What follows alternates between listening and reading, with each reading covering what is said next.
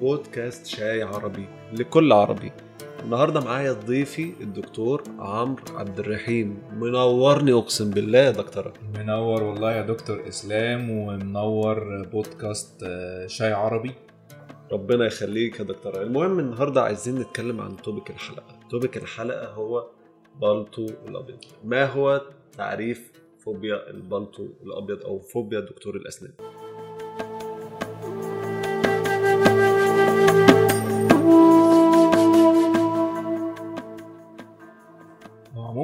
فوبيا البلطو الأبيض. هي مش فوبيا البلطو الأبيض بس يعني مش متعلقة بالبلطو الأبيض ك... ك... كعيادة مثلا ولا حاجة. متعلقة اي حاجة ليها علاقة ب... ب... بالدكتور ب... بشكل عام يعني سواء دكتور أسنان أو طبيب بشري أو حتى مستشفى أو صيدلية. تمام؟ كل ده بيبقى نتيجة feedbacks آه، تعرض لها الشخص آه، في مواقف مختلفة. feedbacks مش آه، أحسن حاجة. فابتدت تتكون عنده زي فوبيا كده أو نوع من من الخوف والقلق الغير مبررين بسبب الموضوع ده. تمام يعني هو ده موضوع نفسي أكتر ما يكون عضوي. آه طبعا هو موضوع نفسي بشكل كبير جدا إلا لو في حد عنده آه مشكلة آه نفسية وصلت بيه للمشكلة العضوية دي قصة تانية خالص وليها آه تعامل تاني خالص. لكن بشكل عام الشخص الطبيعي بيبقى الموضوع بالنسبة له عبارة عن حالة نفسية بيتع... بيعاني منها نتيجة الموقف موقف قديمة فمجرد ما بيتحط في موقف مشابه بيدخل برضه في نفس المشكلة. يعني الموضوع كالتالي موضوع نفسي أو تجربة سابقة طبعا أو طبعا طبعا. واخد feedback من ال community العيلة أو أصحابه أو بالظبط بالظبط. شيء مهم جدا إن أغلب الحالات دي بتبقى غير إنها تجربة شخصية هو بيبقى سمع اللي هو شاف مثلا أو راح مع حد عند دكتور سنان أو دكتور بشري أو مستشفى وحصل موقف وحش فخلاص هو كون قدامه صورة مش هتتغير غير لما يبقى التعامل معاها بشكل مختلف تماما. ده طبيعي لأن حضرتك فاكر صديق لينا كان آه جه هنا وطبعا كان عنده فوبيا رهيبة يا جماعة من السرنجة أو الإبرة عموما لدرجة إن هو توتر عرق وكان فعلا هيخش في panic attack وكان هيغمى عليه. في الحالات اللي زي كده أنا كدكتور أتعامل مع الموقف ده إزاي؟ أو أتدارك الموقف ده إزاي؟ هو طبعا بتفرق بخبره الدكتور انه ممكن يبقى حد لسه متخرج كطبيب لسه متخرج وليه مثلا خبرة قليلة في السوق فتعامله مع الموضوع هيبقى مختلف شوية عن الدكتور اللي بقاله خبرة كبيرة في الشغل. فال فالموضوع بيبدأ من العلاج السلوكي. طبعا بيفرق مع كل شخص للتاني على حسب حالته. في ناس بيبقى الموضوع بالنسبة لها إن هو راح بيروح لدكاترة عادي مفيش مشاكل لكن عارف إن الدكتور مثلا وخصوصا دكتور الأسنان ان ممكن التعامل بالنسبة له أو فرق ما بين فرق ما بين دكتور الأسنان والطبيب البشري. الطبيب البشري هيكشف عليه وهيديله أدوية وعارف البروتوكول لحد ما شكله إزاي إلا لو في عملية أو حاجة زي كده. ولو هو هيتعامل مثلا لو في عملية فالموضوع بالنسبة له هيتبنج بينج كلي والموضوع هيتم إن شاء الله لو الموضوع بسيط. عكس دكتور السنان إن هو أصلا بيتعامل بشكل direct مع المريض. وبالتالي فلو حد مثلا زي ما بيجي لنا عيانين بنسأله انت أول مرة عند دكتور السنان يقول لك آه فساعتها بقى ده لو هو خايف أصلا من دكتور السنان بيبقى بسبب feedback خده من الناس اللي حواليه يقول له دكتور السنان شغله صعب دكتور السنان آه هيسبب لك ألم وشك هيورم مش عارف إيه مرعبين. مرعبين كل الحاجات دي. فطبعا هي بتبدأ بشكل عام من العلاج السلوكي الحالات الخفيفة والحالات المتوسطة والحالات الشديدة بنوصف لها أدوية وطبعا إحنا مش هنتكلم عن موضوع الأدوية ده ده تخصص دكتور آه النفسي والحاجات دي بتسبب إدمان لو أنت خدتها لوحدك. أكيد طبعا يعني أنا مش هوصف لك مش هقول لك مثلا دواء هتروح تاخده وإحنا طبعا عندنا العرف الشائع بتاع الأدوية إن إحنا ما بنروحش للدكاتره في الأول لا إحنا بنروح الصيدلية بنطلب أدوية وطبعا بنحاول نتعامل مع الالم لكن لو الموضوع ما وقفش. نضطر نروح للدكتور. زي مشكلة المضاد الحيوي اللي ماشية في البلد. بالظبط دي مشكلة كبيرة جدا. بونبوني يا جماعة إزاي؟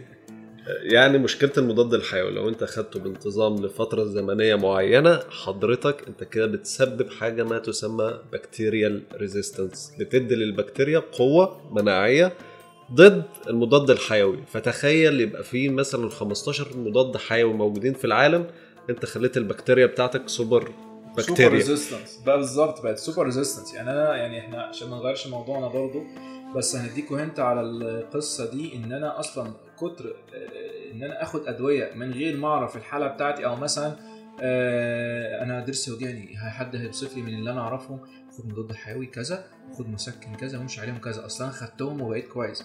طب هي الحالة مختلفة تماما عموما يعني. أنت لازم علشان خصوصا طب الأسنان شغل شغل الأسنان مختلف يا جماعة عن آه، شغل البشري. لو انت مثلا بطنك وجعاك عندك إمساك عندك آه، إسهال هتعرف الدواء ده هتروح تاخده من الصيدلية والأمور هتبقى تمام. لكن أنا ضرسي وجعني.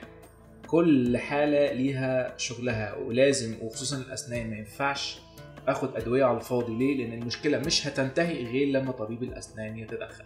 تمام؟ فإحنا بقى بنحاول إن ان نكنترول الموضوع ده بشكل آه، سلوكي الأول. ولو الحاله مستعصية بنوصف له أدوية ومش هنوصف له أدوية غير لو الموضوع مستلزم أدوية.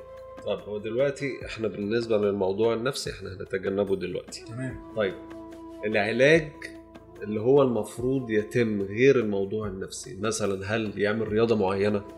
ولا يعمل يوجا؟ طب هيواجه الخوف اللي هو فيه ده إزاي؟ هو بشكل عام يعني طبعا يعني المجتمع المصري دلوقتي محطوط كله تحت ضغط نفسي رهيب. ربنا يكرمك. آه.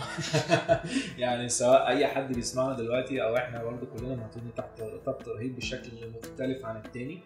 آه، فمواجهة التوتر آه، مش هقول لك يعني أول حاجة آه، إنك ما تسمعش لاي فيدباك سلبي من أي حد. يعني مثلا أنت قاعد مع أصحابك أنا أروح لدكتور السنان. حد بقى هيطلع لك ده رحت لدكتور السنان من شهرين وحصل واحد اتنين تلاتة أربعة طبعا أنت هتتصدم من القصة اللي أنت سمعتها. وحالتك في حتة وهو حالته في حتة تاني خالص. ما ده, ده طبيعنا يعني إحنا الشعب المصري بنحب نسوح وبنحب. نفتي. لا وبنحب برضو نحبط اللي قدامنا. آه إحنا إحنا جامدين جدا في الفتي يا جماعة بجد يعني نحبط اللي قدامنا حتى لو هيعمل حاجة لنفسه. اللي هو إحنا مش عايزين حد يطلع ويبقى كويس ونفرح بيه. يعني إلا ناس قليلة مش هنقول الناس كلها وحشة طبعا. آه، الناس كل يعني الناس كتير كويسة بس الناس اللي بتحب إنها تحبط اللي قدامها مالهاش لازمة. تمام؟ أنت مش كسبان حاجة يعني. فيفضل لو حضرتك عشان تـ control أصلا موضوع الخوف والقلق بشكل عام مش هقول لك عشان خوف وقلق الدكتور السنان إحنا بنتعامل معاه بطرق مختلفة. حاول تمارس رياضة آه، يوجا استرخاء تحاول تبعد عن ال feedbacks السلبية بشكل ما وتحاول بقدر الإمكان تجتمع بالناس الإيجابية. تمام؟ هنخش ده ده نوع من أنواع العلاج السلوكي عموما يعني.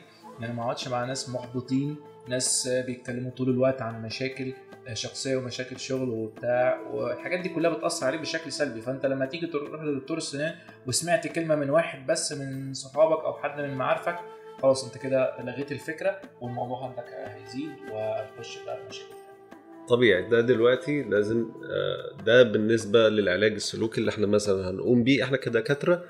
طب بالنسبة له هو على عاتقه حاجة مهمة جدا. واحد إن هو يتشجع ويواجه المشكلة دي أهم حاجة. أهم. يعني حتى لو راح للدكتور نفسي هيقول له نفس الجملة لا الشجاعة دي مهمة جدا إنك تواجه مشكلتك وتحلها أنت بتكسر حاجز الفوبيا. تبعد عن العالم السلبية وتتوجه للعالم الإيجابية اللي هيدوك الدعم النفسي المطلوب. الدعم الاجتماعي مهم جدا في الموقف اللي زي كده. ف ويا ريت نبعد عن الأدوية. الأدوية دي بتبقى الحل الأخير خالص للموضوع الأخير بتاع العلاج طبعا إن إحنا نوصف أدوية لمريض آه، بسبب حالة معينة عنده. مش هنقول الحالة العلاجية أنا بتكلم عن الحالة النفسية. يعني حتى لما حضرتك تروح لطبيب نفسي علشان حضرتك شو متضايق شوية ولا حاجة هو هيبدأ معاك بالعلاج السلوكي. تمام؟ آخر حاجة ممكن يوصفها لك الأدوية. علشان كده إحنا نتجنب إن إحنا يعني وتجنبنا برضو في البودكاست ده إن إحنا نتكلم أصلا عن الأدوية علشان الناس ما تروحش من دماغها تروح تشتري أدوية عشان هو رايح للدكتور وعايز يواجه الخوف والتوتر اللي جوه وطبيعي في حاجات اسمها لازم نبقى عارفينها تحديد المخاطر وتحديد الأخطاء. يعني إيه الكلام ده؟ في الطبيعي بره لازم يبقى الشخص روتينيا بيبقى من 3 شهور ل 6 شهور بيتابع مع الطبيب يشوف حالته الشخصية. ما بيسمعش من شخص أصلا أنا كان عندي كذا يمكن يبقى أنت عندك كذا لأ. أو يخش على جوجل ويكتب له جوجل مبروك عندك كذا. آه بالظبط. إيه ده؟ علامة في صباعك أوبا cancer. سبحان الله يا إلهي. لأ لازم يتابع أول بأول ولازم يكشف أول بأول لأن الموضوع ده بيحدد عليه حاجات كتير. أي حاجة بتتلحق في البداية علاجها بيبقى بسيط. أكيد طبعا. وإحنا كدكاتره أسنان مش سفاحين يا جماعة والله أنت اللي بتيجي في وقت غلط وقت في وقت متأخر جدا. يعني حضرتك دلوقتي لو حضرتك بتعمل check up ومثلا لو أنت رحت قلت لواحد من زمايلك آه، ما تيجي نعمل check up كده يقول لك إيه اعمل check up ده. أنا مش هروح إلا لما يبقى عندي مشكلة. ما كفاية مصاريف. ودي كارثة. دي كارثة. يعني دلوقتي لو سناني آه، بروح لدكتور الأسنان على الأقل على الأقل كل ست شهور مرتين في السنة مش مطلوب منك أكتر من مرتين في السنة. عشان يعمل check up سريع كده علشان لو في حاجة صغيرة تتلحق. اللي بيخلينا إن إحنا الناس تقول علينا سفاحين وحاجاتنا غالية إن حضرتك بتيجي في وقت متأخر جدا يكون الدنيا وقت ما. ينفعش فيه الندم يا فندم والله. بالظبط. أنا آسف. فهقول لك والله تكلفه علاج واحد اثنين ثلاثة أربعة. هتتصدم من الس... ليه؟ لأن الدنيا بايظة. فانا مش هصلح مشاكل سنين في, في لحظة وبتكلفة قليلة. أنا مش ساحر. بالظبط. بس, هي الفكرة برضو لو وصل لمرحلة إن هو مش قادر يدفع التكاليف فهيضطر يخلع.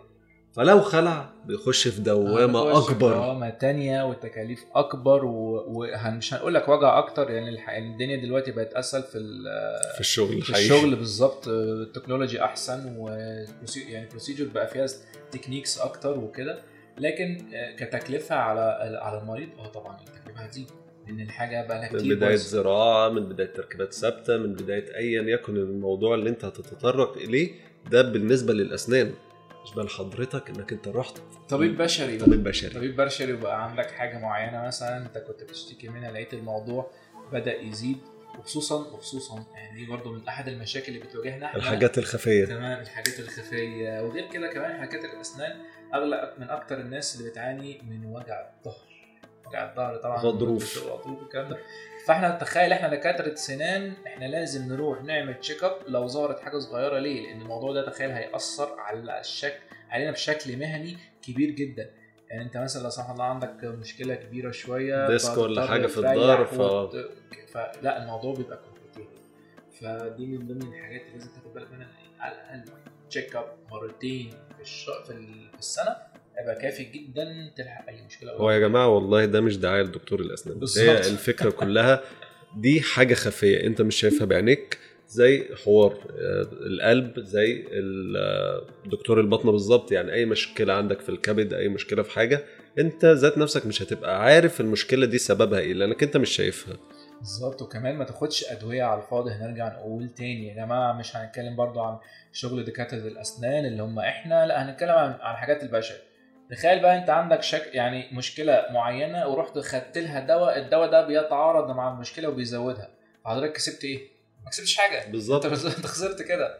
ودي موضوع حلقة تانية بس هنوه لحاجة أبوس إيديكم. مسكنات عمال على بطال؟ لأ. مسكنات ومضادات حيوية على بطال؟ لأ. لأن المسكن لو بتاخده يوميا لمدة شهر كامل 100% هيجي لك فشل كلوي. 100% تخوفش الناس لا لا ما هو بس دي أكتر حاجة صعبة. صح بس وهنشوفكم إن شاء الله في بودكاست تاني من شاي عربي وشكرا ليك دكتور شكراً عمرو دكتور شكرا ليك. نشوفكم على خير إن شاء الله في بودكاست جديد.